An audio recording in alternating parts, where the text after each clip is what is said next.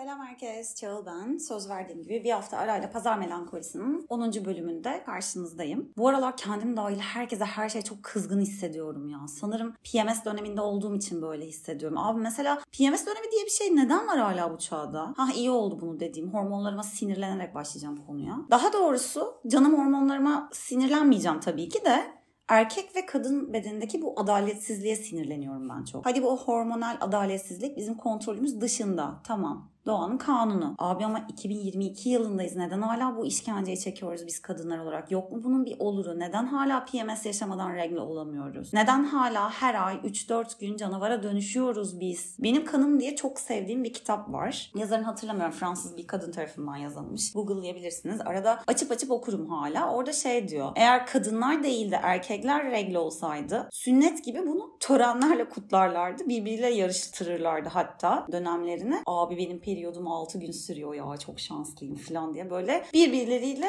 münakaşa ederlerdi bu konuyla ilgili. Ya da onlar regle olsaydı her ülkede PMS bakanlığı falan kurulurdu kesin. Dandik ağrı kesiciler yerine mutlaka fonksiyonel bir çözüm bulunurdu kramplar için. Çünkü biliyorsunuz aldığımız ağrı kesiciler döngümüzü bozuyor bizim ve inanılmaz bir kimyasal bir şey sokup vücudumuza hormonlarımızı mahvediyoruz. Neyse bu benim kanım kitabındaki cümlelerin altına ben imzamı atarım. Hatta görüyorum ve artırıyorum. Eğer erkek erkekler regle olsaydı KDV falan da alınmazdı pedlerden kesin. Ya da muhtarlıklar tampon falan dağıtırdı herkese. Regle dönemlerinde tüm erkeklere bir değil, iki değil tam üç gün izin verilirdi. Ay bu adaletsizliğe çok kızgınım ya. Asıl kızgın olduğum şeyse bunun böyle devam edeceğini bilmek. Sırf bu adaletsizliği bir erkeğe öğretebilmek için erkek çocuğum olsun isterdim ya. Öyleli sinirliyim yani. Yani bu insani ve periyodik olan durumumuza merhem olamadığı için tıbba, bilime, teknolojiye, bilim insanlarına da saygımı yitiriyorum açıkçası gitgide. Bence teknoloji zaten artık atom bombası gibi bir şeye dönüştü. İnsanlık için, gezegen için faydalı hiçbir şey çıkmıyor ortaya ya. Ya da öyle demeyeyim de şöyle anlatayım. Hani küçükken ilkokulda öğrendiğimiz bir şey vardı ya. Herkes kendi kapısının önünü temizlese tüm sokaklar temiz olur. Böyle öğrenmiştik ya hayat bilgisi dersinde. İşte teknoloji kendi kapısının önünü süpürmekten aciz bir durumda bence. Kattığı bir ise tükettiği on. Mesela robot süpürge alıyoruz değil mi? Filtresinin iğrenç tozunu pasını ben temizliyorum. Yok paşam kilimin püskülüne takılır. Yok şarjı biter. Yok kabloları kapar. Nazlı yani. Pratiklikle alakası yok bu teknolojinin. Bir ton para veriyoruz. Şarjla dikey süpürge alıyoruz yine. Aynı mevzu. Filtresini temizle, fırçasını temizle, şarjını ayarla, o başlığı çıkar, bu başlığı tak. Yani bence bunun daha pratiğini kesin yaparlar da yapmak istemiyorlar belli ki. Tilt oluyorum ya. Çünkü bu bizim zekamıza yapılmış bir hakaret bence. Mühendisler çalışırken bizimle dalga geçiyorlardır kesin. Şu ürünü piyasaya çıkaralım da önce bunu alsın enayiler diyorlardır işlerinden. Buna da sinirleniyorum işte. Niye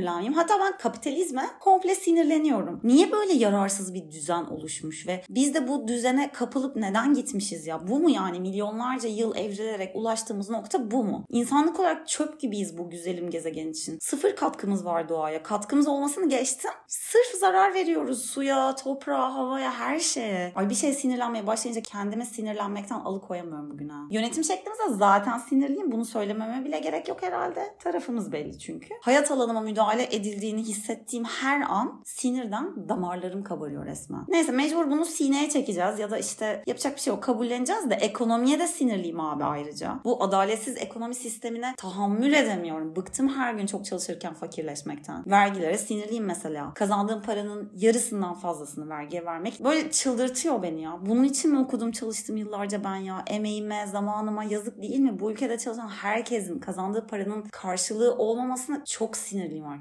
Bu doğal sinirlenmelerimin yanında bir de gereksiz efor sarf edilmiş çirkin şeyler çok moralim bozuyor ve sinir ediyor beni. Mesela en çok taktığım şeylerden biri parklardaki çirkin peyzajlar. Hani böyle çirkin tuğla dizilimleri ne bileyim berbat çiçek yerleştirmeleri var ya parklardaki yerlerde böyle zeminde. Böyle çirkin çirkin işte kareler ne bileyim çirkin çirkin çiçekler. Abi o peyzaj için harcanan enerjiyi bir düşünsenize. Muhtemelen ülkemizin en iyi okullarında okumuş peyzaj bu tip Orta Doğu klişeleri yapmaya zorluyorlar. Hadi peyzaj mimarı dalgasına baktı tamam mı? Aldı parasını devam etti. Sonra o malzemelerin alınmasında harcanan enerji var. Taşınması için de ayrıca enerji sarf ediliyor o tuğlaların falan. Bir de malzemeler geldikten sonra onların plana uygun şekilde yerleştirilmesi var. Düşünebiliyor musunuz harcanan enerjiyi, emeği, zamanı? Ne için? Boktan bir Orta Doğu motifinin parklardaki zeminlere işlenmesi için. İnanamıyorum bu gereksiz enerjiye ya. Aynı eforla onun yerine neler yapılabilirdi düşünsenize. Hadi sanatı geçtim. Zanaat konusunda dünya lideri olmamız lazım bizim bu topraklardaki kültürle. Ah ah o yüzden Yıldız Parkı'nda her yürüyüş yaptığında sinirim bozulurdu benim. O harcanmış gereksiz enerji gerçekten tüylerimi diken diken ederdi. Aslında bu parklardaki zevksiz peyzaj olayı ülkemizdeki durumun mikrosu bence. Merceği makroya ayarlarsak ülkedeki harcanan total gereksiz enerjiyi de görebiliriz. Hatta daha da büyütelim merceği. Gezegende harcanan gereksiz enerjiye bakar mısınız ya? Ya biz hangi noktada bu kadar yararsız bir tür olduk gezegen için? Mesela benim kişisel olarak tükettiğim şeyin haddi hesabı yok zaten tamam mı? Çok kızıyorum kendime. Şu anda ölsem gezegene anca faydam dokunmuş olur. Toprağa karışırım. Hiçbir yararımız yok bu gezegene ya. İnanamıyorum. Ben kendi üzerimden anlatayım da hani sizi eleştiriyor gibi olmak istemiyorum çünkü. Mesela kedi sahiplenerek iyilik yaptım sanıyorum değil mi? Yalan. Sahiplenmesem sokakta daha özgür yaşayacak bu Behlül belli ki. Ölür mü kalır mı orası muallak diye düşünüp hayatımı ele geçirmesine izin veriyorum ya iyilik yaptım sanıyorum. Bu iyilik değil ya. Bu onu sokaktaki özgürlüğünden mahrum bırakma. Peki böyle düşünüyorum diye onu sokağa geri bırakacak mıyım? Yo, kısırlaştırıp ev kedisi yapacağım. Çünkü bencil bir insanım. Ya bir de toplumun kabul gördüğü ve bizim de uyum sağlamaya çalıştığımız bazı kurallar var ya. Onlar da inanılmaz sinirlendiriyor beni. Onları benimsediğim için kendime kızıyorum mesela.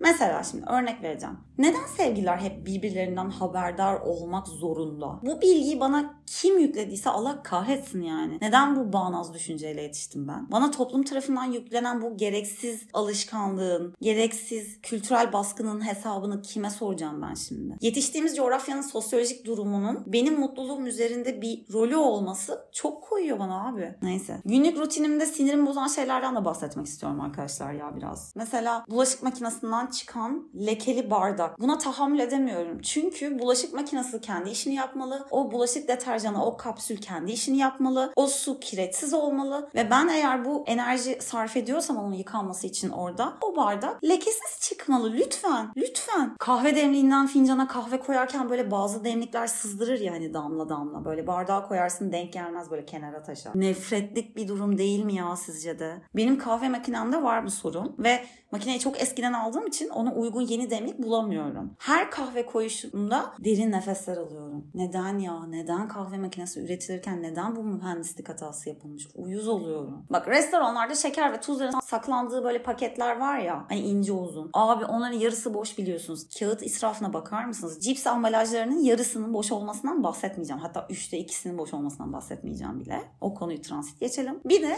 diş macunlarının kutulu satılması çok koyuyor bana. Hangi ülke olduğunu hatırlamıyorum ama tabii ki kuzey ülkelerinden birinde insanlar kutulu olan diş macunlarını almayı bırakıp kutusuz olanları tercih ettiği için diş macunları artık kutusuz satılmaya başlamış. Bizim o noktaya gelebilmemiz için kaç yıl geçmesi gerekiyor acaba ya? Belki hiçbir zaman ulaşamayacağız o kafaya. Çünkü mesela ben dedim ki aa çok mantıklı bundan sonra ben de kutusu olan bir diş macunu almak istemiyorum. Baktım marketlerde kutusuz diş macunu yok. Öyle bir şey yok. Yani anca işte bu özel diş macunları vardı. Vintage'larda Karaköy'de falan satılan onlara ulaşmak lazım. Onlar da Çanakkale'de yok. Peki pazartesi sabah 9'da başlayan toplantılara ne diyorsunuz? Sinir bozuculukta bir dünya markası değil mi? Bu artık bir insanlık ayıbıdır ya. Verimsizliğin dibidir, işkencedir bu 9'da başlayan pazartesi toplantıları. Ruhuma işkence gibi gelen başka bir şey daha var bu aralar. İş ve özel hayatımı dengelemeye çalışırken bana bu konuda fikir verilmesinden gerçekten hoşlanmıyorum. Hem de sormadığım insanlar tarafından fikir veriliyor ya böyle. Ya bir dakika ya. Niye neden bunu yapıyorsun? Abi ben tüm derdimi, tasamı, mutluluklarımı, ne bileyim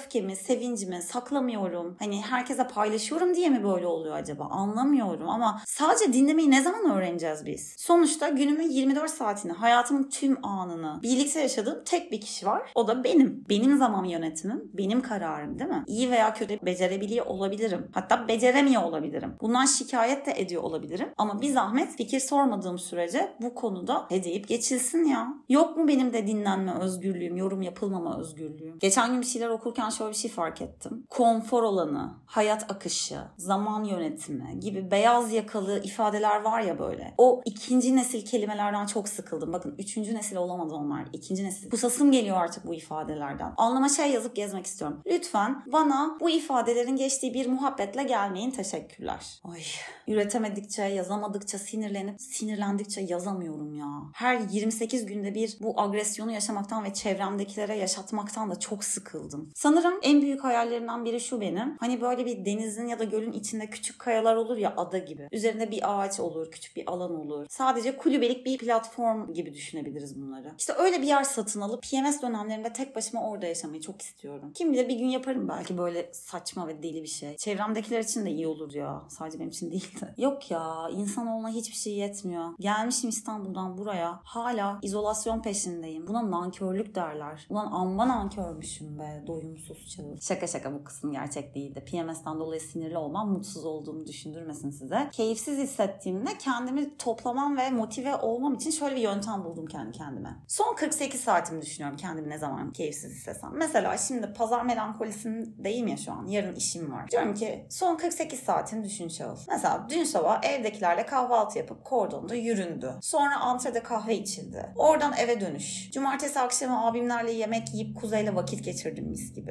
Evime döndüğüm benimki evde çekirdek çitliyor. Beni bekliyor. Saat 11'i geçiyordu. Açtık Leyla ile Mecnun izledik projeksiyondan. Sonra Kübra geldi. Rihanna Reis'in videolarına düştük 5'e kadar manasızca. Pazar mis gibi uyudum 12'ye kadar. Çünkü Uğur'un bitmeyen enerjisi varken o saate kadar benim uyumama müsaade etmesi imkansız normalde. Neyse kalktık kahvaltı yapıp doğaya attık kendimize. E Çanakkale merkezden 15 dakika yol gidiyorsun. Hop Kaz Dağı'nın sinyallerini veren böyle bitki örtüsünün içindesin. Hemen o Kaz Dağları'nın formu başlıyor kayalarda, ağaçlarda. Bu lükse hala alışamadım bu arada. Her seferinde çok mutlu oluyorum. Neyse yürüdük dağ bayır. Oksijen şov zaten. Şimdi de gelmiş evimde podcast'ımı yazıyorum. Bundan güzel hayat mı olur ya? Birazdan Uğur gelir, film izleriz. Sabah da erken kalkabilirsem Uğur'u yoga yaptırması için ikna ederim belki. Erken kalkınca ikna oluyor da geç kalkınca kızıyor. Hayır diyor olmaz yaptırmayacağım bugün diyor. Neyse kısacası bu son 48 saatini düşün ve İstanbul'daki hayatınla kıyasla. Formülü bende çok işe yaradı. Size de tavsiye ederim. Yani böyle derdiniz kim butonu gibi çalışıyor bu taktik bende. Şikayete meyilli olan beynimi şükretme rotasına çeviriyorum bu taktik sayesinde. O yüzüm gülüyor bir anda modum yükseliyor. Dertsiz hayatımda dert aramak benim hobim gibi bir şey biliyorsunuz. Gerçi bu konuda da kendimden şikayet etmeyeceğim artık ya. Bu bakış açısı sayesinde pazar melankolisi doğdu. Her pazar üzerime çöken melankoliyi bertaraf edebilmeyi bu podcast sayesinde öneriyor, öğreniyorum belki de. Şimdi böyle deyince kendime yaptığım iyiliklerden biri olduğunu düşündüm bu podcast'ın ha. Dinlenme